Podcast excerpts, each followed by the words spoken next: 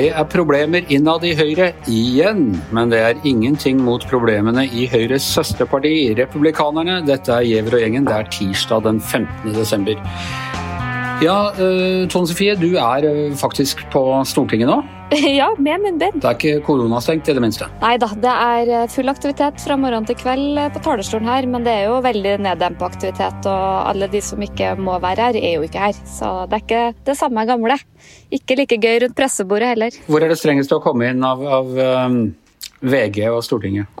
Oh, det er ikke noe tvil om at det er VG. Ja. Det er vel det, er det reneste Alcatraz i Norge, det. Så. Du, Det var nominasjonsmøte på, på, i Oslo Høyre i går, ganske spennende også, mellom uh, Michael Tetzschner og Stefan Heggelund. Uh, Tetzschner vant, men kan du forklare meg den politiske forskjellen på de to, eller er det mer et personvalg, hvor man har gått for den mer erfarne Tetzschner framfor den yngre Heggelund? Nei, det der var nok et Eh, personvalg, og ikke minst et, eh, et, systemvalg, om jeg kan kalle det eh, det. Det var jo en av nominasjonene det har vært ganske stor spenning til. For man visste at, at Oslo Høyre hadde problemer, men det man kaller luksusproblemer. For de har altfor mange folk som vil stå på den lista, og noen av de sittende stortingsrepresentantene måtte derfor ut. Jeg tror nok at det som gjorde det ganske vanskelig for Oslo Høyre i går, er at uh, Stefan Heggelund uh, og Michael Tetzschner appellerer nok litt til samme type høyrefolk. De er begge relativt uh, konservative. Har en veldig sånn annen tilnærming til politikk enn Det er ikke sånn melk og brød-politikere, om du kan kalle det det. De høres ikke ut som sosialdemokrater når de snakker, slik som en del av, av Høyre, og særlig statsrådene, ofte gjør. Det gjør de ikke, og ingen av dem er sånn dusinvarepolitikere de er ganske egenarta på, på hvert sitt vis. Um, apropos sosialdemokrater, så begynner det jo her å bli en egen sjanger for oss nerder, det å se på hjemmenominasjonsmøter. For vi kommer jo rett inn i stuene til folk. Og jeg kan si stuene til medlemmene ja, ja. i Oslo Høyre, det var, eh, ja. det var, mye fint og ærverdig møblement og belysning, og, må jeg si. Så det var en eh, interessant studie i seg sjøl. Men uh, Det var gode møblerte Høyre-hjem, rett og slett? Folk uh, satt ikke i ulltrøye og joggebukse som jeg gjør på hjemmekontoret. Folk satt til og med i dress i anledning møtet, så Hadde de slips, sånn som meg? Ja, du har jomma også slips på hjemmekontoret, Anders. ja, ja. Jeg kunne vært på Høyres nominasjonsmøte i dag. Hvor i all verden skal du i dag, ettersom dette er slutt? Nei, jeg, jeg, har vært på en tradisjonell eh, julefrokost, så, så der, derav slipset. Mm.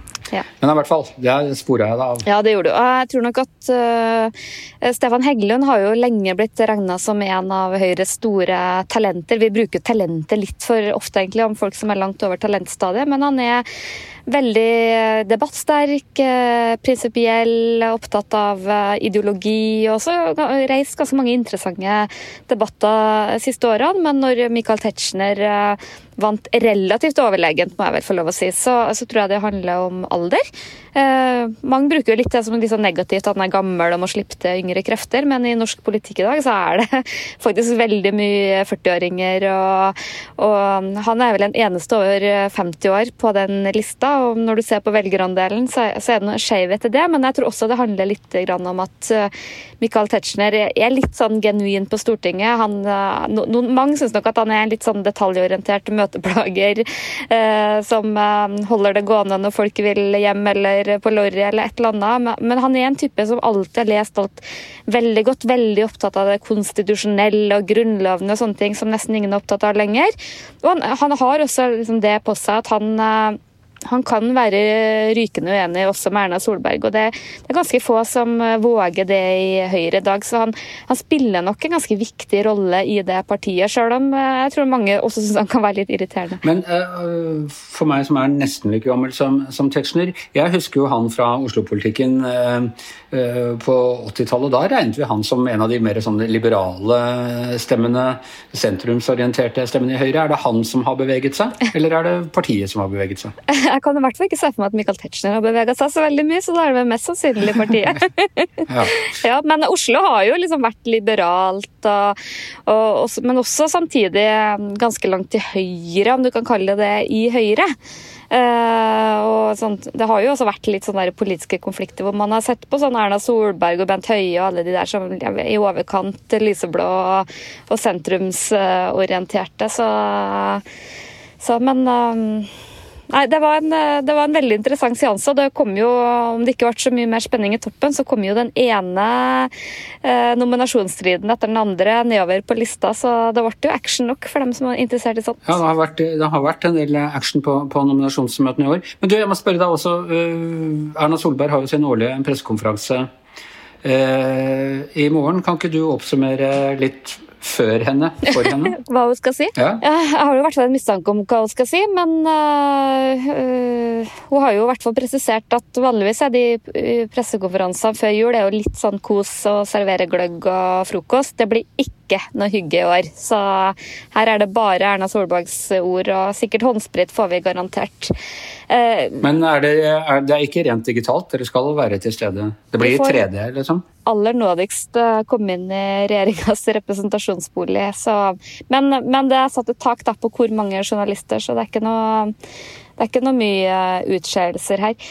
Nei, nei, vi er jo litt sånn spent på hvordan Erna Solberg skal oppsummere det her halvåret. Det har jo vært et halvår som er prega av så godt som én en eneste ting. Det er jo korona, og i stort så tror jeg jo fortsatt at regjeringa gjør det godt i, på sin koronahåndtering. Men det er jo også en del litt sånne eh, plagsomme saker for uh, regjeringa som bobler litt opp nå. Så jeg syns ikke at det er en Hvilke da? Nei, Én sak er den avsløringa til Aftenposten i forrige uke om uh, SMS-utvekslinga mellom uh, statssekretæren i Helsedepartementet og Norsk Industri.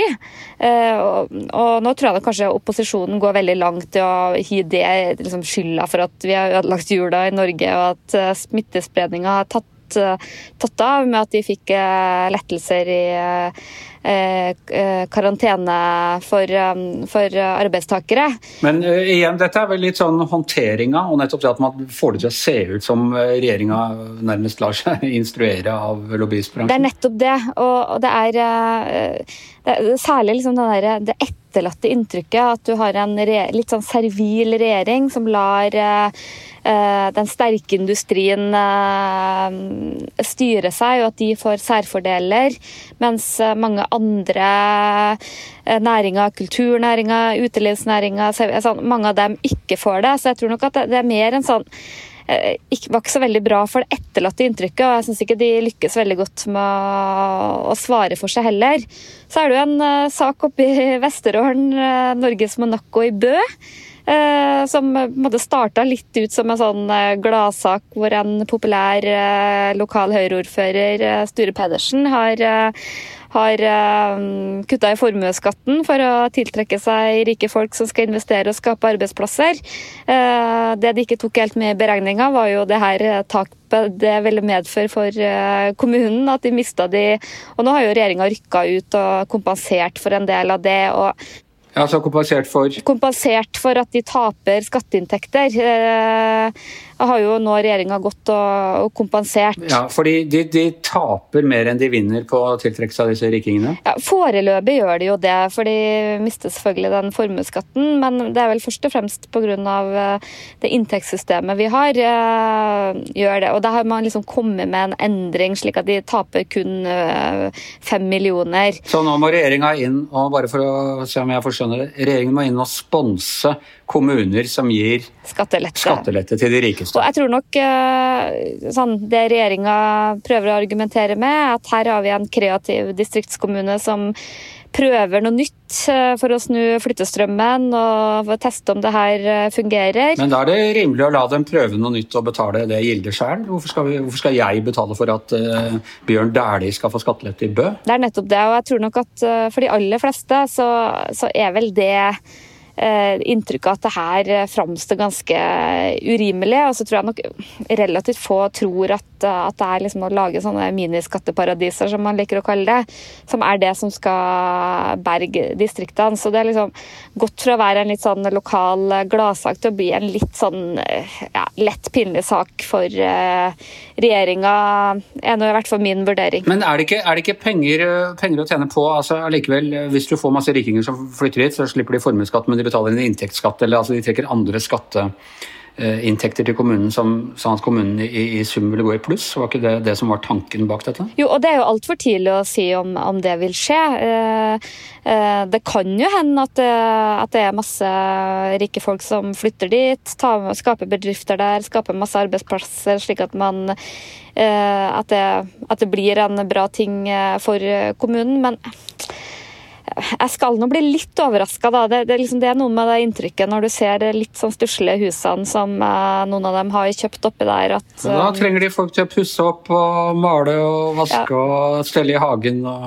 og, i det hele tatt. Ja da, det kan hende at uh, jeg skal ikke utelukke at det, at det kan bli en suksess på sikt, men det, det, er vel en sak som Opposisjonen har relativt gode kort på hånda når de kritiserer regjeringa i den saken her. Så det er liksom kommet igjen det er litt sånne eh, kinkige saker som jeg ikke syns de svarer ut så veldig godt. Ja, eh, helt til slutt, hvordan, hvor godt ligger eh, Erna Solberg an til å bli gjenvalgt eh, om eh, drøye ni måneder? Hun skal nå ha ekstremt flaks. Det er liksom alle mulige faktorer som skal slå inn samtidig.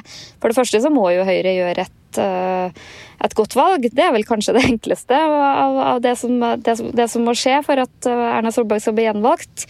Så holder det jo ikke at hun skal få eh, enten Venstre eller KrF over sperregrensa. Hun må få begge to over, og det er jo to partier som så godt som har forsvunnet. Kjell Ingolf Ropstad er det ingen som har sett noe til på en stund, så, så, så det vil bli slitsomt nok i seg sjøl. Og, det, det tredje eller fjerde tingen som må skje, er jo at Frp også gjør et godt valg og klarer å ta en del Senterparti-velgere over den såkalte streken. Da. Sånn det ser ut nå, så ser det jo ut som at den røde løperen kan rulles ut for Jonas Gahr Støre eller Trygve Slagsvold Vedum, eller hvem det nå er som er statsministerkandidat på den sida. Men det har vi trodd før også, og da ble det gjenvalg. Så det er jo veldig mye som kan skje på det, det neste året. Og det vi også er veldig spent på, er jo hva, hva skjer den dagen vaksinene rulles ut og vi begynner å få kontroll på koronaen og kan begynne å snakke om andre ting igjen. Men det vi ikke er spent på, det er at uh, begge parter kommer til å, anerkjenne Eh, valgresultatet uten å begynne å gå til Høyesterett og, og kreve omvalg. Det er du sikker på? Nå skal alle være sikre på noen ting som helst, men uh, det er vel ikke det som har uh, høyest odds hos meg nå. Ja. Per Olav, jeg så en vits i tidsskriftet New Yorker her forleden, hvor det er en pappa som leser nattaeventyr på, på sengen for datteren sin. Og han avslutter eventyret med å si og fra den dagen av var ikke alt som handlet om Donald Trump lenger. Uh, er vi der nå? Etter at valgmennene nå, nå avgjorde valget på, på, mandag, er vi der nå at selvfølgelig noe kommer fortsatt, og en god del kommer til å handle om Trump, men ikke absolutt alt kommer til å handle om han lenger? Nei, nei, jeg, jeg, tror det tar litt poenget. For det, er jo sånn nå at vi begynner å bli litt mer interessert i hva som skal komme etter Trump. Uh, og det gjelder nok både altså, i forventningene av hva, hva vil en Biden-administrasjon bety, men også litt hva skjer på en måte med det republikanske parti etter at Trump er ute av Det hvite hus. Og det er jo ganske spennende og usikker framtid, ja. tror jeg. Eh, og altså, Bare for å ta en rask sånn oppsummering. Det republikanske partiet har jo vært gjennom veldig mange forskjellige eh, epoker bare du kan egentlig si de siste 20 årene. Eh, George W. Bush han ble valgt som en såkalt compassionate conservative, altså en sånn hva skal jeg si, medmenneskelig eh, konservativ i kamp mot Al Gore i 2000. Eh, og ble valgt mye fordi han var sånn likende sentrumsorientert republikaner som appellerte til en god del demokrater også. Og så kom, så kom da 9-11, og så kom de neokonservative, som var hva skal si, utenrikspolitiske hauker, som da ikke bare dro i gang krigen mot Afghanistan, men også um, mot Irak. Så ble Obama valgt, og da tok de et skritt til høyre og inn i denne Tea Party-bevegelsen og Sarah Palin. Og så var det under valget forrige gang at Trump nærmest kom og foretok en sånn det man på business-språk kaller en hostile takeover, en fiendtlig overtakelse av det republikanske partiet. Hvor lenge tror du det grepet vil eh, henge i på partiet? Jeg tror at det vil henge ganske lenge, fordi at uh, Trump har jo lykkes i å skaffe seg en veldig lojal tilhengerskare. og det er, um, Han fikk flere velgere enn han fikk i 2016 nå i år. Men Biden fikk jo over syv millioner flere enn han, da riktignok. Men like fullt, han har styrket sin oppslutning. Han har klart det mesterstykket å liksom bygge en ganske sterk allianse som består av en del tradisjonelle republikanere, og også da eh, den kristne høyresiden, som er veldig lojale på hans side. Eh, og eh, en hvit arbeiderklasse, ganske lav, lav utdanning, og ut på, i distriktene. Det som er felles for den eh, politiske sekten, om du vil, det er jo at de er ekstremt lojale overfor ham. Og jeg tror de vil fortsatt anse han som på en måte sin leder, sin president, riktignok ekspresident, men dog. Og fordi at det republikanske partiet, det er som du sier, det var en, en, en fiendtlig eh, overtakelse av partiet. Det var ingen i partiledelsen som ønsket at det skulle bli Trump. De hadde tenkt helt annerledes før han kom på banen. De tenkte tenkte at de måtte få en leder som kunne kanskje uh, favne mer om mangfold i det amerikanske samfunn, og på en måte bringe nye velgere. Uh, det var litt av erfaringen etter de to valgnederlagene uh, mot Obama, da. men det skjedde jo ikke. De fikk isteden Trump, en helt annen utypisk politiker. Og Han har forlangt på en måte total lydighet av sine, og det har han jo på mange måter fått. Det har vært veldig stille, det har vært få som har våget å heve stemmen mot ham i Det republikanske parti. Men Eh, du var jo korrespondent i USA under 11.9-angrepene. Eh, og du så på en måte da hvordan eh, Da var, det, da var jo Bush en, en veldig sånn Eh, forsoningens president. Han strakte jo ut husker du det, han strakte jo ut hendene til amerikanske muslimer. Han klarte å bygge en enorm koalisjon eh, bak seg eh, til støtte for ja, Afghanistan-krigen, er nå én ting, men også for Irak-krigen. Gikk langt inn i Det demokratiske partiet, fikk med seg Hillary Clinton og øh, hele den falangen der. Og nå er den doktrinen fullstendig forlatt i det republikanske partiet? Ja, de er jo blitt mer isolasjonistiske. Eh, samtidig så er det nok eh, i Det republikanske parti noe igjen av det, den gamle konservatismen. Ja, for det må jo være det. Det er jo mange av de, av de senatorene som, som, stemte for den krigen, som fortsatt sitter uh, i Kongressen. Lindsey Graham, f.eks., som er en av Trumps uh, ivrigste støttespillere. Helt klart. Og du ser nå at uh, selv om Trump var misfornøyd med det forsvarsbudsjettet som ble lagt fram, og sa at han ville legge ned veto mot det, så fikk det en bred oppslutning i Kongressen, både blant republikanere og demokrater. Og, og, det som også skjedde i går, etter at valgmennene hadde avlagt sin stemme, var jo at for første gang på lenge da, så var det ganske mange republikanere som kom frem og sa at nå er dette valget over, nå må vi akseptere resultatet, nå må vi gå videre herfra og slutte med dette eh, denne kampanjen om valgfusk og, og, og, og, drive på videre. Så nå kommer de litt frem etter å ha vært svært stille lenge. Kan det tenkes at det også har altså først da Trump dukket opp, så tenkte, eh, tenkte veldig mange, og kommenterte, og eh, bl.a. både jeg og du, tror jeg, at det vil være vanskelig for Trump å klare å overta i det republikanske partiet, fordi slik USAs velgere er skrudd sammen, så er det et flertall for en moderat, i amerikansk sammenheng, moderat sentrumsorientert politikk fløyene verken i det demokratiske eller republikanske partiet har eh, sjansen til å eh, overta.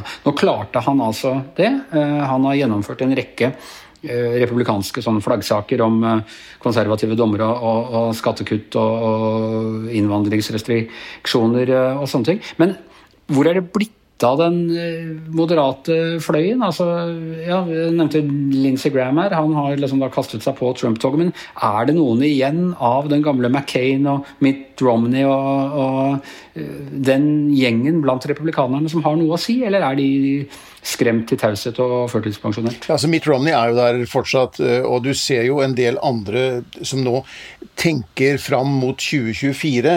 En av dem er jo helt åpenbart visepresident Mike Pence. Um, og uh, også uh, Trumps tidligere FN-ambassadør Nikki Haley tror jeg er blant de. Og, og, Marco Rubio er jo, må vi regne med, han var jo konkurrent med Trump for fire år siden. Ted Cruz også.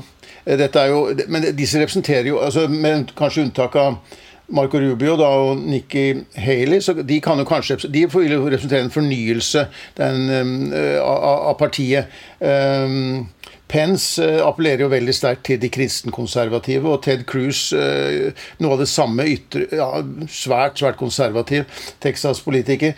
Eh, problemet for Det republikanske partiet er jo at de taper i byene, de taper i forstedene, de taper de unge, de taper kvinnene, og de taper minoritetene. Og hvis du, Når du gjør det dårlig i alle disse valggruppene, så har du et betydelig problem. Og de demografiske endringene i USA dette er jo langsiktige endringer som, som, også gjør det vanskelig å se at de kan klare å skaffe seg flertallet. Som vi har snakket om tidligere, Anders, de bare, det var bare George W. Bush i 2004 som fikk et flertall av velgerne i valg siden eh, 1988, da faren hans ble valgt. Og Det, det, det viser mot et, et, betydelig problem da, som republikanerne har. Vi vet jo at amerikanske valgkamper starter eh, tidlig. Trump meldte seg på sommeren 2015, det var altså halvannet år eh, før valget, da hadde allerede demokratiske kandidater som eh, Hillary Clinton Eh, vært påmeldt lenge. Når tror du de kommer til å begynne å erklære sine kandidaturer eh, denne gangen? Jeg tror i hvert fall det kommer til å bli et indre oppgjør i det republikanske parti.